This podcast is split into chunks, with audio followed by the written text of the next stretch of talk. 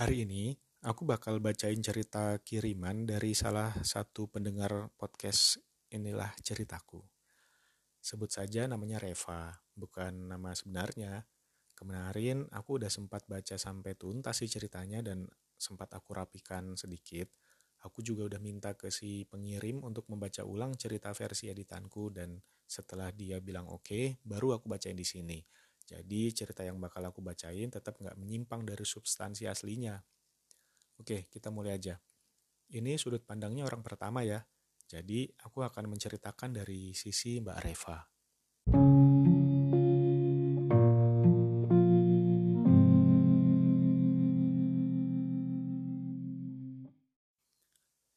Aku tidak pernah berharap dilahirkan ke dunia, dan aku tidak pernah berharap mendapatkan beban seberat ini seumur hidupku.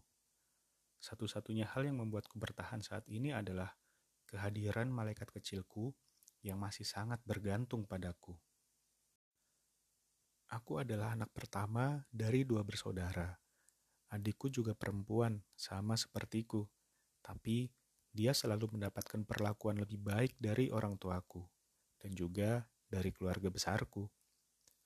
Aku tidak pernah tahu kenapa mereka tidak adil dalam memberikan cintanya kepada kami. Ketika aku melakukan kesalahan kecil, Papa selalu sulit memberikan toleransi, bahkan tidak segan untuk memukulku. Mama memang tidak pernah menyakitiku, tapi dia juga tidak pernah benar-benar melarang atau menghalangi Papa ketika Papa ingin memukulku. Mama tidak pernah menyerangku, tapi juga tidak pernah membelaku. Sebaliknya, jika adikku yang melakukan kesalahan, papa dan mama selalu punya alasan untuk mentoleransi kesalahannya dan dengan mudah memaafkannya. Adikku selalu saja dimanja dan mendapat perlakuan istimewa, sedangkan aku lagi-lagi hanya dianggap seperti anak pungut yang tidak memiliki hak apa-apa. Tapi walaupun begitu, adikku begitu sayang dan menghormatiku. Bahkan, kami masih tidur bersama hingga aku menikah. Bukan karena rumah kami kekurangan kamar, tapi karena adikku memang suka tidur bersamaku, dan kami biasa saling berbagi cerita sebelum tidur. Aku hanya merasakan beberapa kali kebahagiaan, seperti ketika aku menjadi juara kelas, lulus kuliah dengan predikat cum laude, hingga mendapat pekerjaan yang bagiku penghasilannya lebih dari cukup untuk kebutuhan keluargaku. Tapi di antara semua prestasi yang aku miliki, papa dan mama tidak pernah berkata bahwa mereka bangga memiliki anak sepertiku. Kamu harus lihat bagaimana ekspresi mereka ketika kami berfoto saat kelulusan kuliahku. Ekspresinya dingin dan sama sekali tidak tampak kebahagiaan dari raut wajah mereka. Ketika aku akhirnya menikah pun, mereka tidak pernah terlibat langsung dalam mempersiapkan pernikahanku. Aku ini perempuan, seharusnya orang tuaku merasa berat ketika melepasku kepada lelaki asing yang akan aku dampingi seumur hidupku.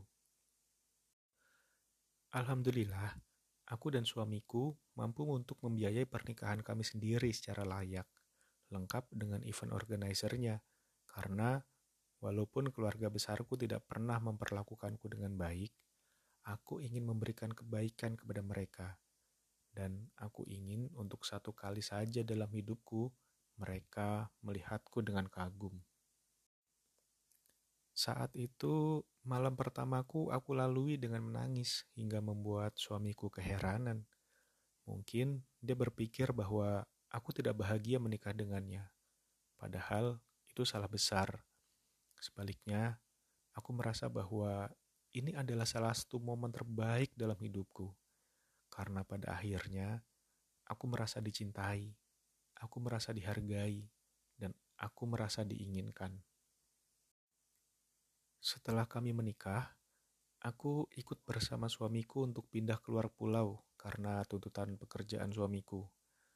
Beruntungnya, atasanku mengizinkan aku untuk ikut pindah mengikuti suamiku dan bekerja di salah satu kantor cabang perusahaan kami, walaupun dengan konsekuensi penurunan posisi jabatan dan penurunan gaji.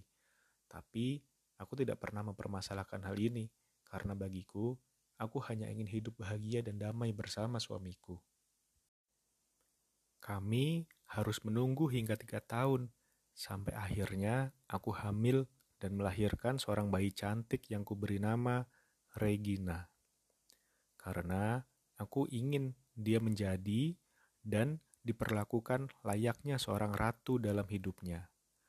Aku ingin dia merasakan apa yang tidak pernah aku dapatkan dalam hidupku. Pada kenyataannya, anakku memang menjadi ratu dalam keluarga kami. Suamiku sangat menyayangi anakku, dan dia memanjakan anakku seperti layaknya ayah memanjakan anak perempuannya. Aku merasa bahagia dan bersyukur bahwa anakku mendapatkan ayah yang mencintainya dengan sepenuh hati. Selama menikah, aku hanya pulang ke rumah orang tuaku satu tahun sekali, yaitu ketika hari raya. Itu pun tidak terlalu lama, karena sikap orang tuaku ke anakku juga sepertinya tidak jauh berbeda dengan sikap mereka ke aku. Tetap dingin dan berjarak, walaupun tidak sampai melakukan kekerasan. Hidup keluarga kami begitu ideal, sampai akhirnya pada suatu sore, ketika aku baru saja pulang dari kantor, aku melihat seorang perempuan muda duduk di teras rumah kami. Aku perhatikan wajahnya pucat, matanya sembab, dan ketika dia melihatku, dia memaksakan untuk tersenyum, padahal mukanya memancarkan kesedihan. Ketika aku mendekatinya, tiba-tiba dia berlutut kemudian memeluk kakiku sambil menangis dan meminta maaf. Aku yang merasa tidak mengenal perempuan ini langsung berusaha mengangkatnya. Aku sempat berpikir, apakah ini bagian dari modus kriminal yang baru, atau apa? Siapa perempuan ini? Dan kenapa dia ada di rumahku? Setelah dia lebih tenang, aku kemudian mengajaknya bicara.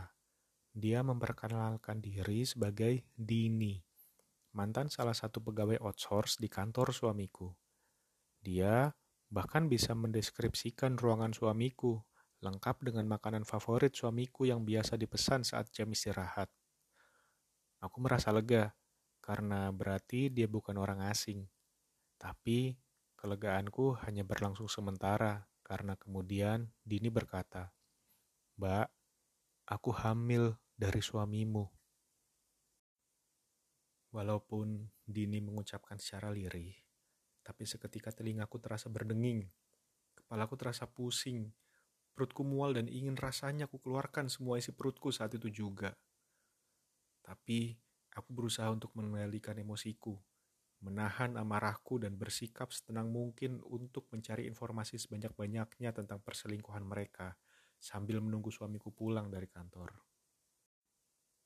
Berdasarkan cerita Dini, Ternyata mereka sudah berselingkuh selama tiga tahun. Di tahun kedua perselingkuhan mereka, kontrak outsource Dini tidak diperpanjang karena ada orang kantor yang mencurigai hubungan mereka. Dini direkomendasikan suamiku untuk bekerja di perusahaan lain milik teman suamiku. Aku tidak pernah menyangka bahwa suamiku yang hangat dan terlihat begitu mencintai keluarganya ternyata bisa melakukan perbuatan sehina ini, sama sekali tidak terasa ciri-ciri yang biasa terjadi pada kasus perselingkuhan. Suamiku memang selalu pulang sekitar jam 8 atau 9 malam.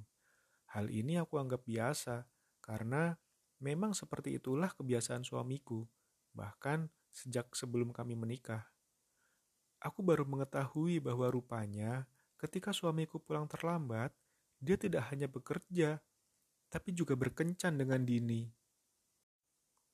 Ketika Dini selesai bercerita, suamiku pun pulang. Suamiku nampak terkejut melihat Dini sedang duduk bersamaku di teras. Aku menatap suamiku dengan tatapan yang kubuat setenang mungkin. Mas, ceraikan aku. Nikahi Dini.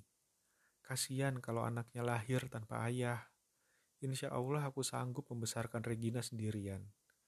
Jangan khawatir, aku akan tetap memastikan Regina untuk menghormatimu. Biarlah hal ini jadi rahasia kita, para orang dewasa. Seketika suamiku pun menangis dan bersimpuh di depanku. Berkali-kali kata maaf dan hilaf terucap dari mulutnya, tapi aku bergeming. Aku sudah tidak mau menyentuh suamiku lagi, bahkan untuk sekedar mengangkat tubuhnya. Aku tidak sanggup lagi menahan air mataku untuk tidak mengalir melalui pipiku. Aku menyeka air mataku dan langsung masuk ke dalam rumah. Malam itu, aku mengajak Regina untuk tidur di hotel karena aku tidak kuat untuk sekedar melihat suamiku. Bayangan tentang perselingkuhan mereka begitu membekas, dan malam itu aku habiskan untuk menangis semalaman sambil menatap wajah anakku. Membayangkan kehidupan setelah ini di mana anakku harus tumbuh tanpa sosok ayah yang begitu dicintainya, makin membuatku merasa sakit. Proses perceraian kami berlangsung cukup cepat. Aku memastikan kami untuk selalu hadir tepat waktu di setiap sidangnya agar tidak ada proses yang harus ditunda. Aku mendapat hak asuh atas anakku. Suamiku setuju untuk membiayai pendidikan anak kami hingga lulus kuliah nanti. Setelah proses perceraian kami selesai, aku mengundurkan diri dari perusahaanku dan memutuskan untuk kembali ke kota asalku. Tapi Kali ini aku membeli rumah untukku sendiri.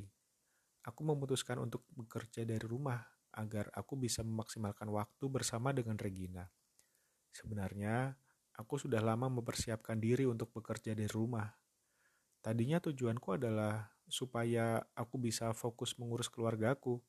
Makanya di sela-sela kesibukanku, aku mengikuti kursus dan brevet mengenai trading. Memang pada akhirnya aku bisa mewujudkan keinginanku untuk bekerja dari rumah, tapi kali ini tanpa suami yang harus kuurus. Aku menjalani kehidupan yang independen. Ketika anakku sekolah dan aku merasa suntuk, aku biasa mengajak temanku yang berprofesi sebagai ibu rumah tangga untuk menemaniku belanja atau sekedar nongkrong cantik di coffee shop. Malamnya, Aku menemani anakku belajar dan mendengarkan ceritanya tentang hal yang dia alami hari itu. Ketika liburan sekolah tiba, aku mengajak anakku untuk berlibur di kota wisata yang letaknya hanya sekitar dua jam dari rumahku saat ini.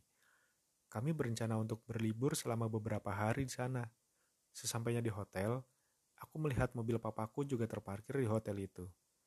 Kemudian, aku bertanya kepada resepsionis tentang kamar papaku. Dan setelah aku mendapatkan nomor kamarnya, aku langsung menuju kamar papa untuk sekedar bersalaman dan memberitahu bahwa kami juga menginap di hotel yang sama. Pintu kamar papa pun aku ketuk, dan papa membuka pintunya. Ternyata, papa tidak sendiri. Papa bersama seseorang yang walaupun terlihat semuran dengan mama, tapi itu bukan mama. Ya, papaku berselingkuh, dan kali ini anakku juga ikut menyaksikannya. Papa berusaha mengatakan sesuatu dan berusaha untuk memegang tanganku, tapi langsung aku tepis. Aku segera membawa Regina pergi dari hotel itu untuk menuju ke rumah adikku dan mengajak adikku untuk pergi ke rumah orang tua kami. Sementara anakku kutitipkan di rumah adikku agar bisa bermain dengan keponakanku di sana. Di rumah, aku menjelaskan ke mama dan adikku bahwa aku melihat papa berselingkuh. Mereka tidak percaya. Ya, tentu saja. Aku pun merasa tidak percaya dengan apa yang kulihat dengan mata kepalaku sendiri. Tapi inilah kenyataannya. Mama dan adikku menangis sambil berpelukan sementara aku, walaupun aku merasa marah dan muak, tapi sepertinya kelenjar air mataku sudah tidak berfungsi. Aku sama sekali tidak menangis saat itu. Malam itu papa pulang dan melihat kami bertiga sudah duduk di ruang tamu. Kami sengaja menunggu Papa untuk kami interogasi. Ternyata, dari pengakuan Papa, Papa sudah berselingkuh dengan perempuan itu selama 20 tahun. Ya, 20 tahun. Kamu tidak salah mendengarnya. Mereka tidak menikah karena pacar gelap Papa juga memiliki suami yang sah. Dia memang punya anak yang masih remaja, tapi bahkan pacar gelap Papa tidak yakin apakah anak itu adalah anak Papa atau dari suaminya. Liburan sekolah yang tadinya kuniatkan untuk bersenang-senang dengan anakku, kini ku isi dengan menjadi penengah di antara papa dan mama yang semakin hari semakin terlihat sering bertengkar. Aku memilih bertahan di rumah papa, sekaligus untuk menjaga apabila terjadi hal yang tidak diinginkan. Sementara Regina tetap aku titipkan di rumah adikku. Aku dan adikku berusaha untuk merukunkan papa dan mama. Aku memang tidak terima dengan perlakuan papa yang menodai kesucian hubungan keluarga kami. Tapi aku juga tidak tega kalau melihat dua orang yang sudah bersama selama puluhan tahun ini akhirnya berpisah dengan cara bercerai. Tapi nampaknya aku dan adikku tidak dapat lagi meredakan amarah mama. Akhirnya, kami sepakat untuk membantu perceraian orang tua kami sendiri. Aku yang sudah berpengalaman dalam mengurus perceraian, langsung dengan sigap mencari pengacara dan menyiapkan dokumen yang akan dibutuhkan. Mamaku tidak mau terlibat dalam menyiapkan dokumen-dokumen itu. Jadi, mamaku hanya menunjukkan lokasi tempat penyimpanan dokumen pribadi milik mama termasuk buku nikah, kartu keluarga, ijazah, dan yang lainnya. Setelah aku selesai mengumpulkan dokumen yang diperlukan, aku pun pergi untuk memfotokopi dokumen tersebut. Tiba-tiba, entah kenapa, aku tertarik untuk melihat buku nikah orang tuaku. Karena selama ini, di keluarga kami, kami tidak pernah sekalipun merayakan ulang tahun pernikahan papa dan mama. Ternyata, Keputusanku untuk mencari tahu tanggal pernikahan papa dan mama adalah salah. Tanggal pernikahan papa dan mama adalah tanggal 23 Maret. Sedangkan aku lahir pada tanggal 10 Juli di tahun yang sama. Jadi, papa menikah dengan mama karena mama sudah terlanjur mengandung aku. Seketika aku langsung paham kenapa sikap papa begitu buruk ke aku. Tidak hanya papa, keluarga besarku seperti om dan budeku juga sering memandang rendah kepadaku. Ternyata benar bahwa aku adalah anak yang tidak diharapkan. Aku anak haram. Fakta yang akhirnya aku temukan sendiri setelah sekitar 30 tahun aku hidup. Aku pun kemudian sadar bahwa jika aku anak haram, maka pernikahanku dengan suamiku pun tidak sah secara agama. Lalu, Apakah hal ini juga menjadikan anakku sebagai anak haram? Terlalu banyak pikiran negatif yang berkecamuk dalam otakku. Oh Tuhan, ingin rasanya aku mengakhiri hidupku saat itu juga. Ingin rasanya aku melampiaskan amarahku kepada Tuhan. Tapi kemudian aku sadar bahwa ini bukanlah kesalahan dari Tuhan. Ini adalah buah kesalahan yang dilakukan oleh orang tuaku. Aku hanya sebagai korban yang terpaksa menanggung akibat dari perbuatan mereka. Ternyata, seseorang bisa mendapatkan hukuman atas sesuatu yang tidak pernah dilakukannya. Setelah papa dan mama bercerai, aku mengajak mama untuk tinggal di rumahku karena rumah papa dijual dan hasil penjualannya dibagi dua dengan mama. Aku juga merasakan perubahan positif pada sikap mama ke aku dan Regina sikap mama sekarang menjadi jauh lebih baik pada kami. Dan pada saat mama memelukku, akhirnya aku merasakan hangatnya cinta seorang mama yang bercampur dengan penyesalan. Aku memutuskan untuk berpura-pura tidak mengetahui perihal tanggal pernikahan papa dan mama, karena aku tidak ingin membuat mama semakin merasa bersalah saat ini kami hidup dengan damai walaupun tidak sepenuhnya bahagia. Tapi beginilah hidup. Dia sempurna karena tidak sempurna.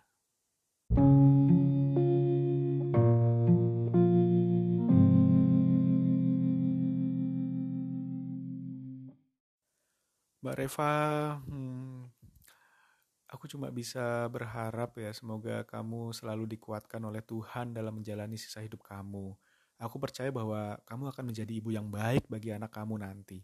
Gak masalah kalau misalnya sekarang kamu mengalami trauma dan gak pengen untuk memulai hubungan yang baru lagi, itu sangat wajar mengingat kamu punya banyak trauma tentang relationship, tentang marriage gitu ya, trust issue dan sebagainya. Emang trauma itu beneran perlu waktu yang lama sih untuk menyembuhkannya dan bahkan mungkin kita nggak akan pernah bisa sembuh darinya. kadang kita cuma bisa terbiasa oleh rasanya. Soal status anak kamu, aku bukan ahli agama sih ya, jadi aku nggak punya banyak komentar terkait hal ini. Tapi yang bisa aku katakan adalah aku percaya bahwa Tuhan itu maha bijaksana dengan segala kuasanya. Jadi aku rasa Mbak Reva cukup memberikan yang terbaik untuk anak Mbak Reva dan serahkan sisanya kepada Tuhan. Aku juga percaya kalau Tuhan itu sebenarnya sayang banget sama kamu loh. Buktinya dia mengirimkan satu malaikat ke hidup Mbak Reva yang bisa Mbak Reva jadikan sebagai penguat diri Mbak Reva ketika melalui ujian yang begitu besar ini. Dan aku juga berharap semoga juga ya setelah badai ujian ini berlalu, selanjutnya Mbak Reva sekeluarga akan diberikan kebahagiaan dan ketenangan dalam hidup. Semangat terus Mbak Reva dan terima kasih sudah mempercayakan aku untuk membacakan ceritamu.